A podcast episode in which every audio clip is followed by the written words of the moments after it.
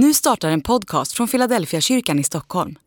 Om du vill komma i kontakt med oss, skriv gärna ett mejl till hejfiladelfiakyrkan.se. Dag 108 på domartribunen.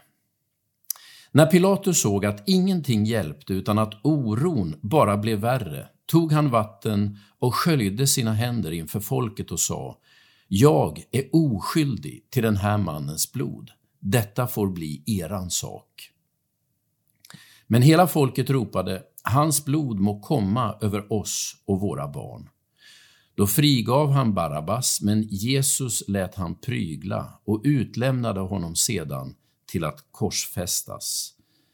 Matteus kapitel 27, vers 24 till 26. Det är när Pilatus har satt sig på domartribunen som det ofattbara inträffar. Han vet att Jesus är oskyldig, men som den realpolitiker han är så har han lärt sig att man måste ta hänsyn till andra krafter än bara rätt och fel. Pilatus vet att han måste försöka hålla massorna i schack under påskhögtiden då Jerusalems befolkning nästan fyrdubblades. Han vet också att hans eget ord skulle väga lätt om han ställdes mot hela det samlade judiska ledarskapet. Det fanns många som bara väntade på ett skäl att resa sig mot den romerska övermakten och påskhögtiden var ett av de tillfällen då det fanns alldeles för många oroliga element på en alldeles för liten yta. Alltså måste han hitta ett sätt att inte komma i konflikt med de folkliga ledarna samtidigt som han gärna ville frige Jesus.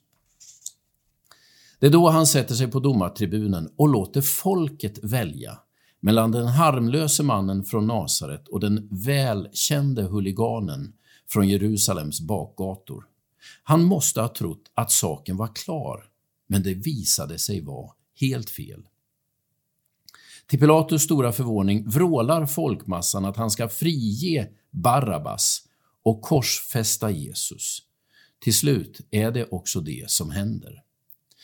För mig är hela denna berättelse en illustration av evangeliet. När vanligt folk låter sig dras med i drevet som ropar efter oskyldigt blod och när domaren som ska skydda lag och rätt sviker sina förpliktelser, då är det Jesus som får bära konsekvenserna. Det naturliga borde ha varit att Pilatus fått avgå, att folket blivit förvisade från Jerusalem. Men det är inte vad som händer.